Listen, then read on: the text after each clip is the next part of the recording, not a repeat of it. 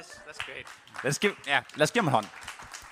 Og nu er, er øjeblikket kommet, som vi alle sammen har ventet spændt på, fordi nu vil jeg introducere aftens taler. Og som sagt, så er, øh, har aftens taler aldrig øh, talt her i kirken før. Han har dog været på besøg, fordi at, øh, øh, han er nemlig fra Roskilde Vineyard. Og øh, han hedder Rasmus. Ja, og han sidder her. Lad os lige give ham en hånd til at starte med. Og øh, vi er rigtig glade for, at du vil komme, Rasmus, i aften. Være sammen med os.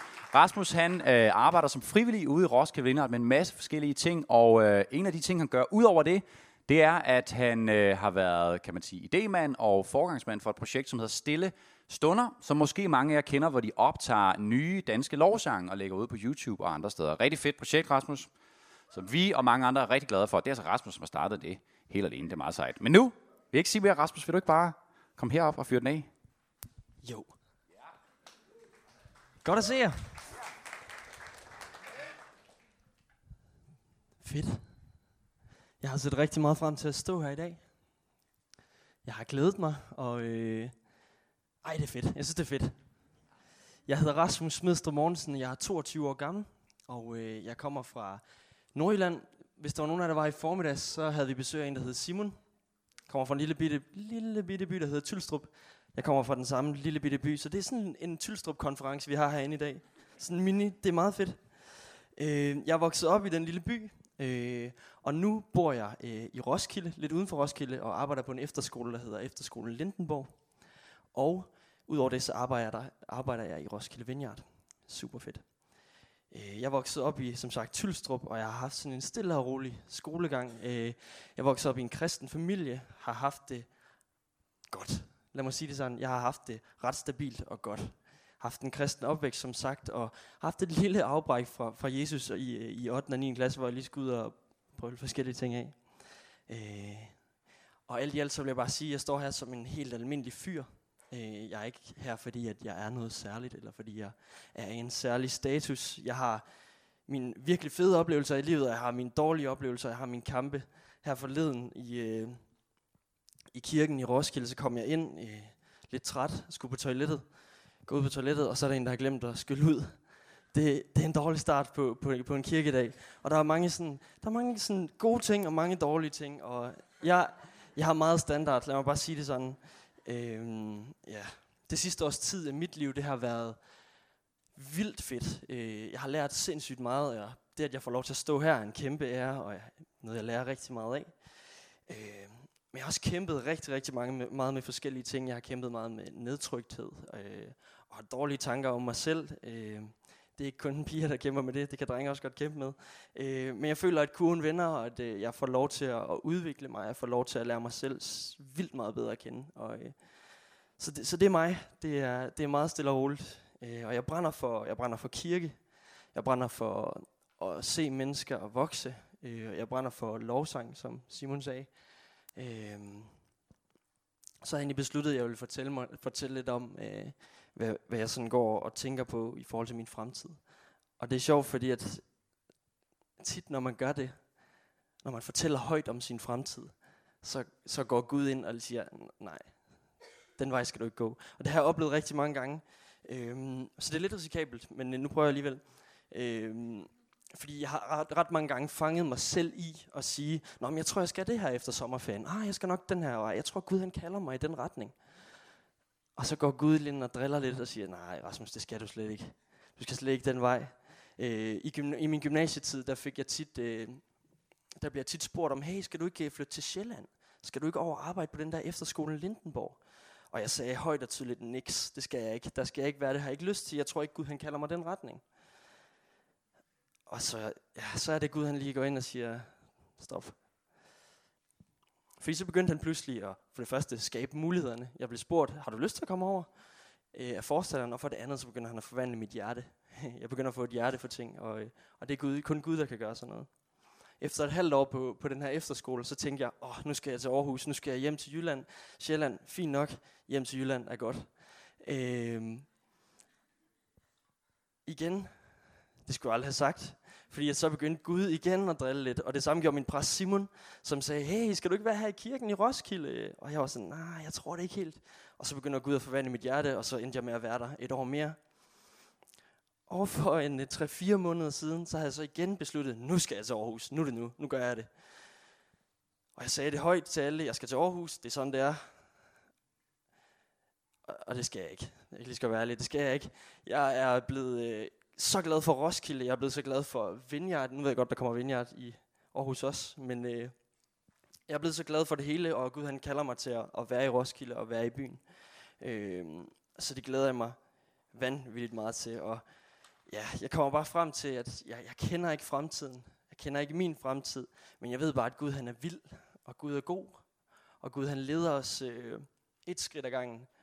Helt stille og roligt. Og jeg har besluttet mig bare for at følge efter hyrden, og så må han Tag mig derhen, hvor jeg skal være. Et skridt ad gangen. Yes, jeg beder lige kort. Gud, tak for i dag. Tak fordi, at du har givet os åndedræt. Tak fordi, at du har kaldet mennesker her til i dag, far. Tak fordi, at du har plantet den her kirke, Gud, med så mange fantastiske mennesker, som rækker ud til byen og som rækker ud til andre mennesker. Så tak for byen.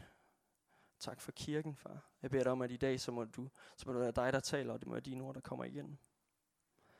Jeg stiller mig til rådighed, far, og jeg inviterer bare din helgen til at komme nu og, og tale til folks hjerter. Ja. Amen. Min prædiken i dag, den har jeg valgt at kalde for Gennem Samaria. Fordi vi skal læse fra Johannes evangeliet kapitel 4, hvor øh, disciplene følger Jesus fra Judæa til Galilea øh, gennem Samaria. Ups. Og øh, vi læser fra øh, vers 4 lige om lidt. Øh, og vi finder os, vi befinder os altså i Judæa, hvor at øh, farisæerne de er blevet sure på Jesus og hans disciple, fordi de døber flere mennesker, end Johannes døberen gjorde. Det blev de åbenbart sure over.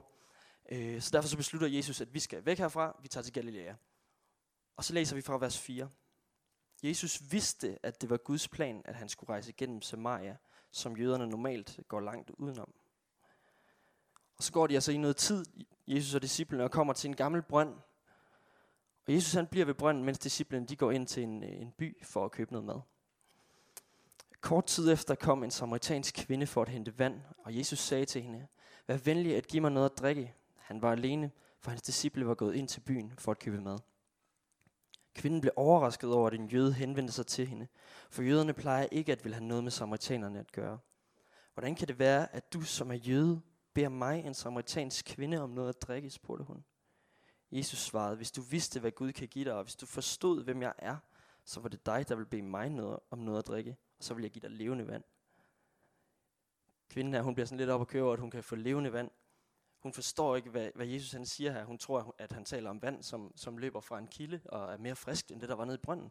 Hun forstår det ikke helt, men hun bliver ret meget op at køre det. Ja, jeg kan få god frisk vand. Og det snakker de lidt om. Så går vi videre til vers 16. Så siger Jesus, skifter lidt emne. Gå hjem og hent din mand, sagde Jesus. Jeg har ikke nogen mand, svarede kvinden. Så siger Jesus, det har du ret i, for du har haft fem mænd, og ham du nu bor sammen med, er du ikke gift med. Der sagde du noget sandt. Og så bliver kvinden meget forbløffet over, at Jesus kender hendes fortid. Og hun skifter, jeg tror hun bliver så for, simpelthen så forbløffet, at hun faktisk skifter emne her, til en lidt sådan mere teologisk diskussion om tilbedelse, fordi hun er samaritaner, og de tilbeder et sted, og jøderne tilbeder et andet sted. Det springer vi også lige over. Men diskussionen den ender sådan her, fra vers 25. Kvinden sagde, jeg ved, at Messias skal komme en gang, og når han kommer, vil han forklare os alt. Da sagde Jesus til hende, han står her og taler med dig. Eller på engelsk lyder det, I who speak to you am he. Det lyder ret sejt.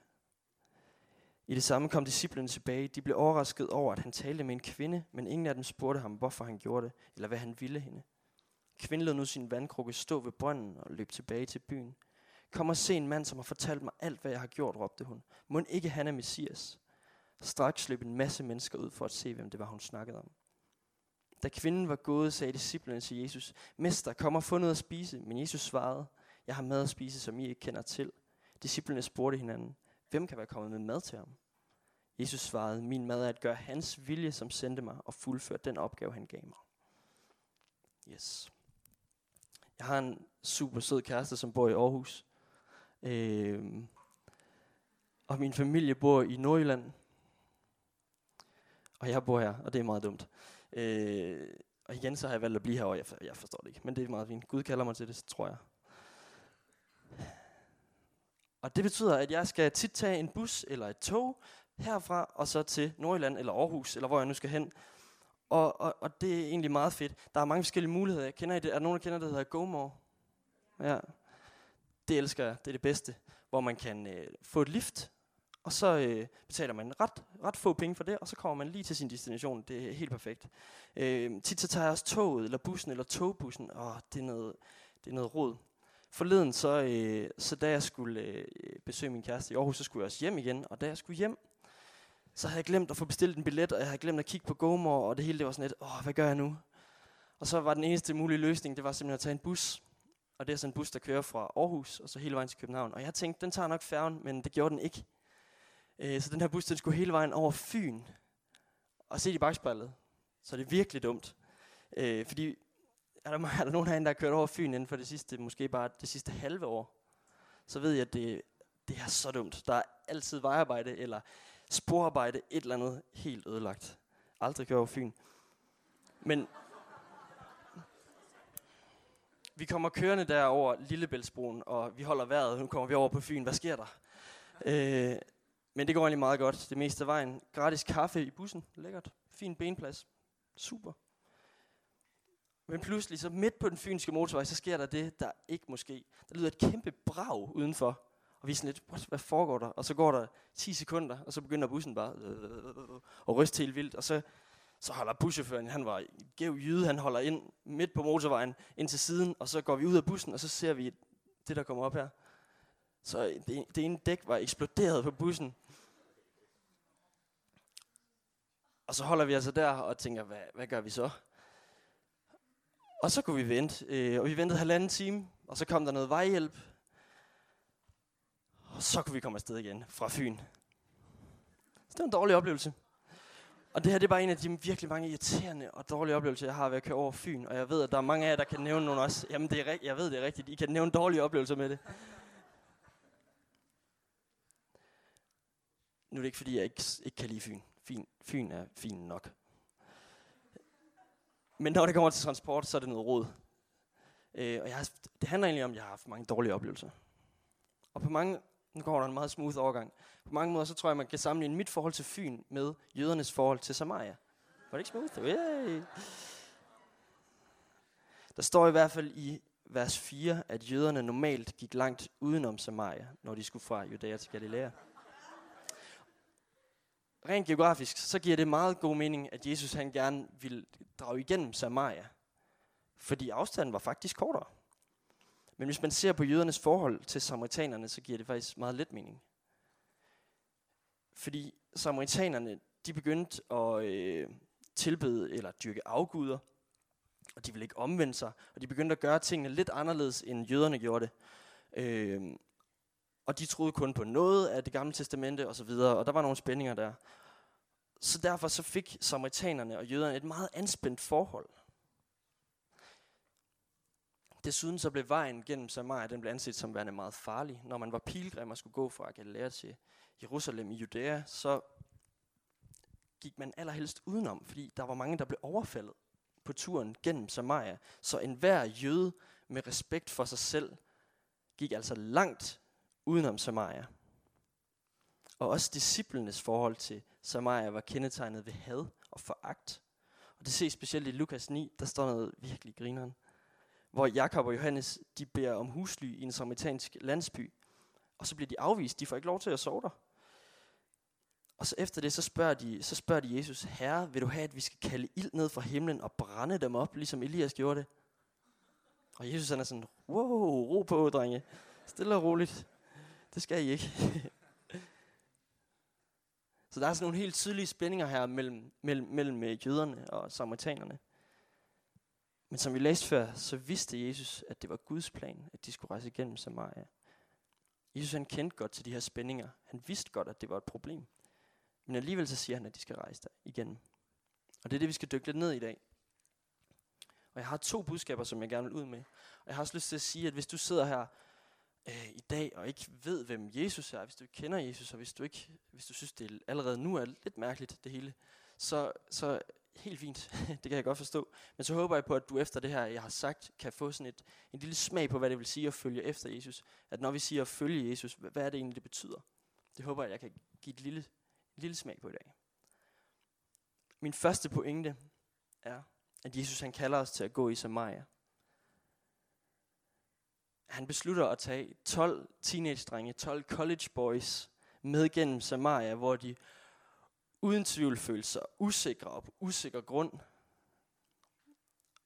Og da Jesus og disciplene de ankommer til brønden lidt uden for den her lille by i Samaria, så stopper de op, og vi må gå ud fra, at de er ved at være lidt trætte, lidt sultne, de har gået noget tid og så videre. Og så som leder af flokken, så tænker jeg, at Jesus han beder disciplene om at gå ind til byen og købe noget mad. Og vi må forstå, hvor fuldstændig vanvittigt det her det er. De her 12 teenage-drenge, som helt sikkert har vanvittigt mange fordomme for det første om det her sted. De går ind i den her by, hvor de heller nok heller ikke er de mest populære. Hvis vi forestiller jer sådan et, forestiller jer et flot, øh, flot maleri, et flot, øh, hvad hedder sådan et øh, landskabsmaleri. Blå himmel, grønt græs, en lille sø, nogle træer. Flot. En sol. Og så tage en spand grøn maling, og så bare kaste det ud på det der maleri. Det er cirka det samme. Det er helt forkert. Og det var det her også. Det er også helt forkert, at disciplene de går rundt ind i den her by. Det giver ikke mening. Der skulle de ikke være. De har hele, hele deres liv fået at vide, hvor forkert og farligt stedet er. Og de er blevet opdraget til at hade Samaria og de mennesker, der er der. På det her tidspunkt, der troede disciplene, at Jesus var kommet for at frelse jøderne. Ikke, øh, ikke, ikke samaritanerne. De må være fuldstændig forvirret, og jeg kan forestille mig, hvordan de sådan går rundt inde i byen. Hey, kan vi købe noget mad her? Nej, okay. Okay, så går vi videre. Ha' en god dag. Jeg tror, de, de er sindssygt bange, og de, de, de er ikke trygge ved det her. Jeg ved selvfølgelig ikke, om det her det sker lige præcis sådan, men de får i hvert fald købt noget mad. Og da de så kommer tilbage, så ser de, at Jesus han snakker med en kvinde, og ikke engang en højtstående kvinde. Deres verden, den må, den må falde fuldstændig fra hinanden her, øh, for det var ikke normalt på den her tid. Disciplen de fortæller Jesus, at de har mad med til ham. og så siger Jesus, jeg har mad, som I slet ikke kender til. Og de må være sådan lidt, hvor, hvor, hvorfor, skulle vi, hvorfor skulle vi købe mad? Det var da mærkeligt, når du har mad. Hvem har givet dig mad? Hvem har, hvem har, hvem har taget mad med til dig? Og pointen er ligesom, at jeg tror ikke, at Jesus han sendte disciplene ind til Samaria, eller ind til Sykar, som byen hed, for at hente mad. Jeg tror, at Jesus han sendte disciplene derind, for at de kunne se deres frygt i øjnene. Fordi de havde hele tiden fået at vide, I skal ikke gå derhen, det er et farligt sted, det er forfærdelige mennesker. Pas på dem, uh, de er farlige. Men nu siger Jesus, gå til Samaria. Han siger, vær i Samaria. Og det samme, det tror jeg, han siger til os. Jeg tror, han siger, gå ud i København. Vær i København. Jeg er derude. Jeg er ikke bare inde i kirken. Jeg er ude i byen. Og jeg siger ikke det her på sådan at, for at prøve at skabe et skæld mellem os herinde og dem ude, ude i byen. Tværtimod, jeg tror, Jesus netop kalder os til at være i byen. Til at være en del af byen. Vi skal ikke være bange for de andre. det er bare mennesker, ligesom os. Og jeg ved ikke, hvad Jesus han kalder dig til at være en del af i byen. Men jeg tror ikke, at han kalder dig til at sidde herinde og puste din glorie. For at være ærlig. Og jeg kan mærke helt personligt, at Gud han kalder, han taler til mig om ikke længere at, at lege kirkeleje. Hvor jeg forsøger at opnå et eller andet bestemt rang, eller en bestemt status, som ham der, der er mega god til at spille lovsang, eller og ham der, der bare altid bare har de vildeste prædikner. Ja, det er ikke dårlige ting, det er gode ting. Men jeg tror ikke, det er vores primære kald. Jeg tror, vi er kaldet til at elske Gud, for det første. Og for det andet, så vi kaldet til at elske mennesker og den by, som vi bor i. I Roskilde Vineyard, der har vi en vision, som er taget fra Jeremias 29, 7. Og den fortæller egentlig rigtig godt, hvad jeg tror, at vi skal gøre. Jeg læser lige op. Det, det siger herskers herre, Israels Gud, til alle de landflygtige, som jeg har ført bort fra Jerusalem til Babylon. Byg huse og bo i dem. Plant vingård apropos vineyard, og spis frugten fra dem. Gift jer og få sønner og døtre. Find koner til jeres sønner og gift jeres døtre bort, så de kan få sønner og døtre. Bliv flere derover, ikke færre. Stræb efter lykke og fremgang for den by, jeg førte jer bort til. Og bed til Herren for den. Går det den godt, går det også jer godt. Wow. Mere præcis tror jeg ikke, det kan siges. Vær i byen, invester i byen. Måske skal du være del af en lokal fodboldklub i byen. Måske skal du blive frivillig til Distortion næste år. I Roskilde, lige ved siden, lige ved siden af vores nye kirkebygning, der har vi sådan en, øh, noget, der hedder Knuckle Grease Garage. Det er en, øh, det er en, en garage, hvor at, øh, sådan midalderne mænd er det, er, det, er det primært, som har sådan nogle gamle motorcykler. De skal mindst være 25 år gamle. Så kan man melde sig ind i den her klub, og det koster vanvittigt mange penge om måneden. Øh, så kan man melde sig ind i den her klub, og så kan man gå dernede og bikse lidt med sin motorcykel og sådan noget. Det er et super hyggeligt sted. Og hver torsdag, så holder de åbent hus dernede. Så kan man komme derned, så kan man købe en øl, eller en soda eller en kop kaffe, og så kan man sætte sig og drikke den og hygge sig med den. Og vi er nogle stykker, der faktisk er begyndt at gøre det en gang imellem. Købe en øl og sætte os dernede og snakke lidt med dem. Og det lyder så banalt og simpelt, men jeg tror, det har sindssygt meget værdi.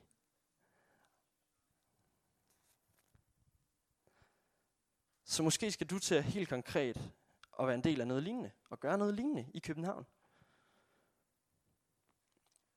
Noget så simpelt som at drikke en øl med en fremmed. Jeg ved ikke, hvordan du skal blive en del af byen, men jeg ved, at det kan føre fantastiske ting med sig at være en del af en by. Fordi når man er en del af en by, og når man er en del af de ting, der foregår i byen, så, så møder man mennesker. Og når man møder mennesker, så, så dannes der relationer. Og det er mit næste pointe, at Jesus han kalder os til at danne relationer med den enkelte i byen. Mens disciplene de er inde i byen for at hente mad, så kommer der den her samaritanske kvinde ud til brønden.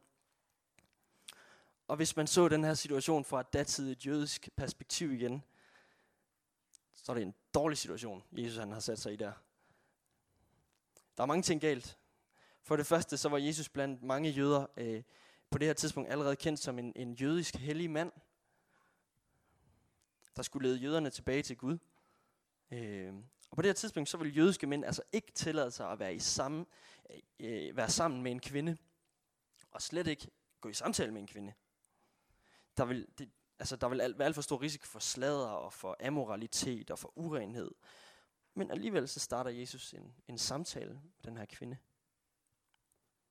For det andet, så var kvinden samaritaner. Og som jeg allerede har været inde på, så var jøde plus samaritaner, det var en, det var en dårlig kombi. Og de ville specielt ikke dele mad med hinanden. Så ville man blive uren, hvis man indtog noget, som en samaritaner havde tilberedt eller rørt. Alligevel så spørger kvinden Jesus om vand. For det tredje, så var den her kvinde ikke ligefrem en kvinde af høj standard. Hun var lidt en rundetrunde, som man kan sige. Jesus ved, at hun har været involveret i fem ægteskaber, og at hun ikke boede sammen med den mand, som hun var sammen med nu. Og på det her tidspunkt, der var det virkelig ikke noget, man så så let på. Det var virkelig ikke godt. Hun ville med al sandsynlighed være et udskud. Alligevel interesserer Jesus sig for hende. Og igen, forestil dig det her maleri, tag en spand mening, kast det på. Det er helt forkert det her. Noget, der fascinerer mig ved samtalen mellem Jesus og kvinden, det er, at samtalen lynhurtigt den bliver meget personlig for kvinden. Det er ikke bare sådan en chit-chat. Det er ikke fordi, det normalt er det i Bibelen, men...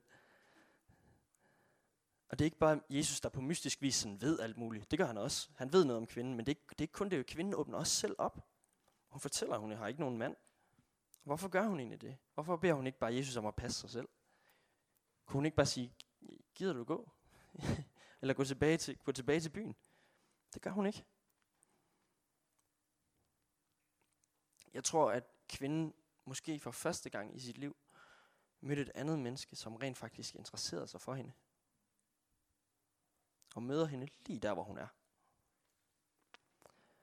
Og jeg elsker, hvordan Jesus han ikke bare kommer, kommer bravende ind og siger, nu skal du høre, hvordan det hele foregår. Du skal gøre det her, du skal ikke gøre det her, men gør lige det her. Han møder hende lige, hvor hun er.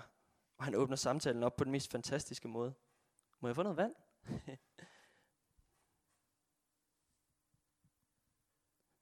han spiller bolden over på hendes banehalvdel, og han starter samtalen på hendes præmisser. Det er ikke hans sådan, øh, det er ikke hans sådan agenda, der bare kommer puff, og overtager hende fuldstændig, så hun bliver bange. Han tager det stille og roligt og snakker og interesserer sig for kvinden.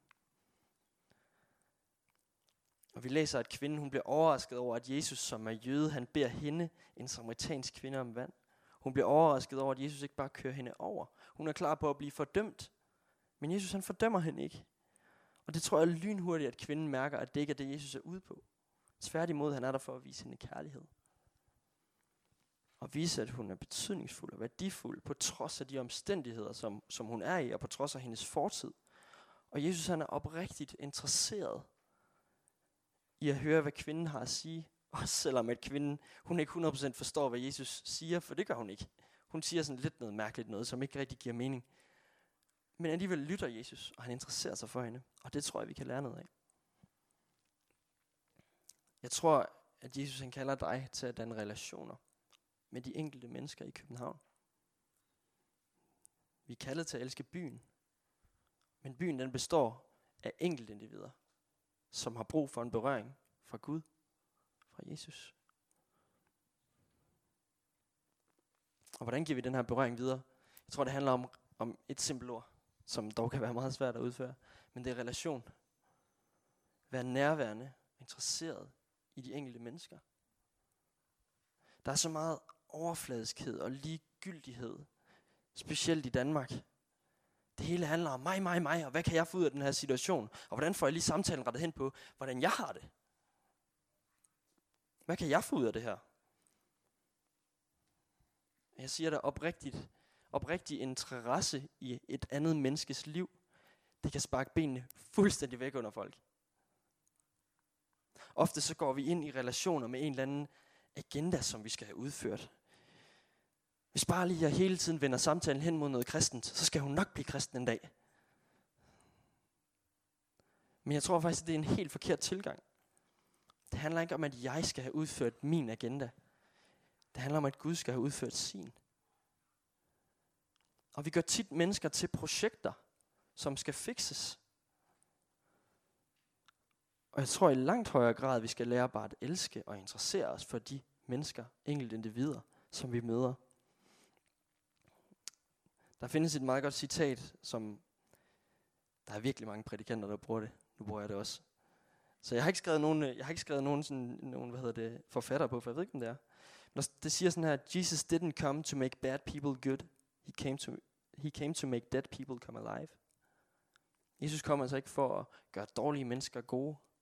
Han kom for at vække de døde mennesker til live. Og det tror jeg, vi kan lære noget af. Forleden så prædikede en af mine gode venner, Philip.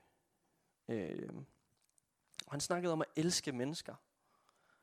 Og hvordan det sådan helt praktisk ser ud. Han havde sådan en helt simpel, men virkelig, virkelig fantastisk pointe. Som lyder sådan her. Lyt. Du skal lytte. Der er så meget værdi i, at vi lytter til andre mennesker og interesserer os for dem. Vi skal vise, at vi ikke er ligeglade med dem og deres liv og hvad de laver. Vi må bede Gud om hjælp til at vise op rigtig kærlighed til mennesker, som måske er vildt anderledes, end vi er. Jeg skal være helt ærlig, så når jeg sidder nede med nogle bikere, og de taler om deres motorcykler, jeg fatter det ikke. Jeg forstår det slet ikke. Jeg interesserer mig overhovedet ikke for det. Men alligevel, så må man prøve at vise interesse og være sådan, Nå, hvad er det? En motor? Ja, fedt.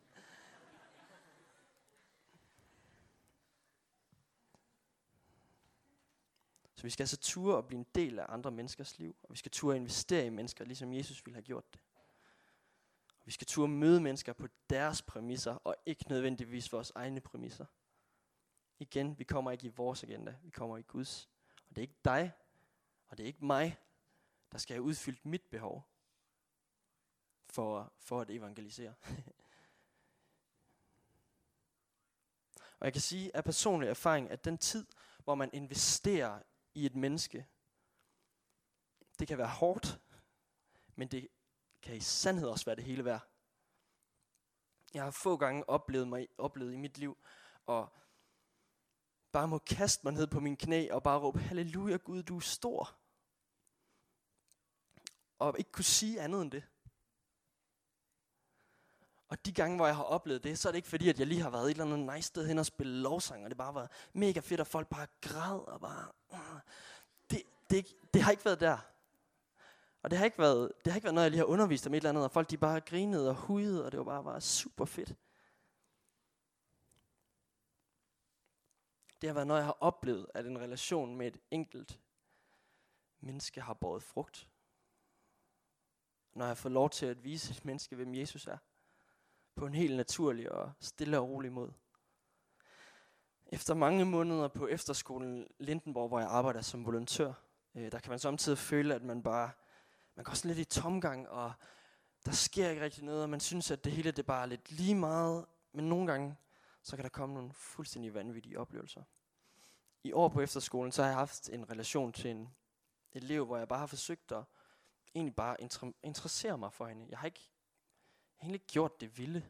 Jeg har bare grint med hende, haft det sjovt og snakket med hende, stille og roligt.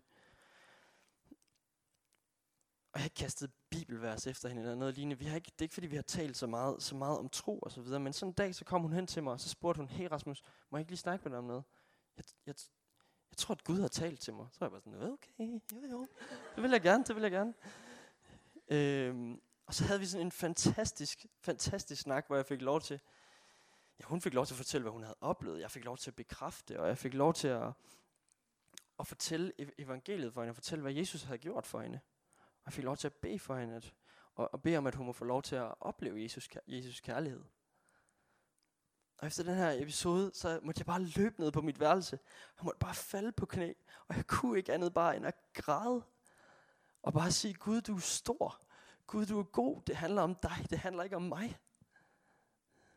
Wow. Jeg blev fuldstændig knækket af Guds kærlighed for et enkelt menneske. En anden gang har jeg oplevet det på en konference, hvor jeg var fotograf, og egentlig bare sad under lovsangen og var sådan, at jeg skulle tage nogle billeder, og det var fint. Og så, kom der en pige gående ud på min side. Og så sagde Gud til mig, Rasmus, du skal bede for hende der. Så sagde jeg, nej, det skal jeg ikke. Så sagde jeg, Gud, jo. Så sagde jeg, nej. Men Gud sagde, jo. Og så sagde jeg, okay.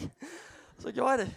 Øh, og den her pige, det var en, egentlig en, en pige, som jeg havde, sådan, for at være ærlig, en lidt, en lidt presset øh, relation med. Der var nogle ting, som, som havde gjort, at det var ikke lige det, jeg havde lyst til.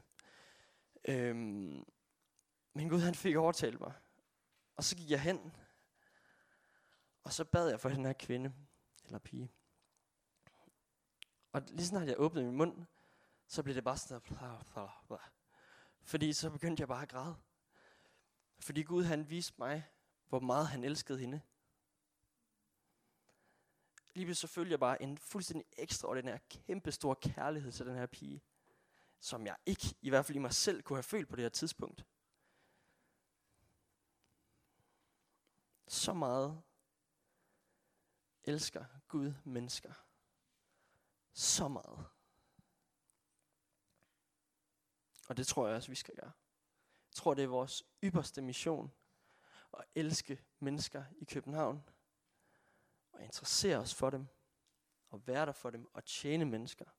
Og igen, vi skal ture og gå ud på deres præmisser. Ikke vores egne. Hvis vi kommer med kors igennem byen og slagsang, så tror jeg ikke nødvendigvis, at det er det mest positive indtryk, folk får af os.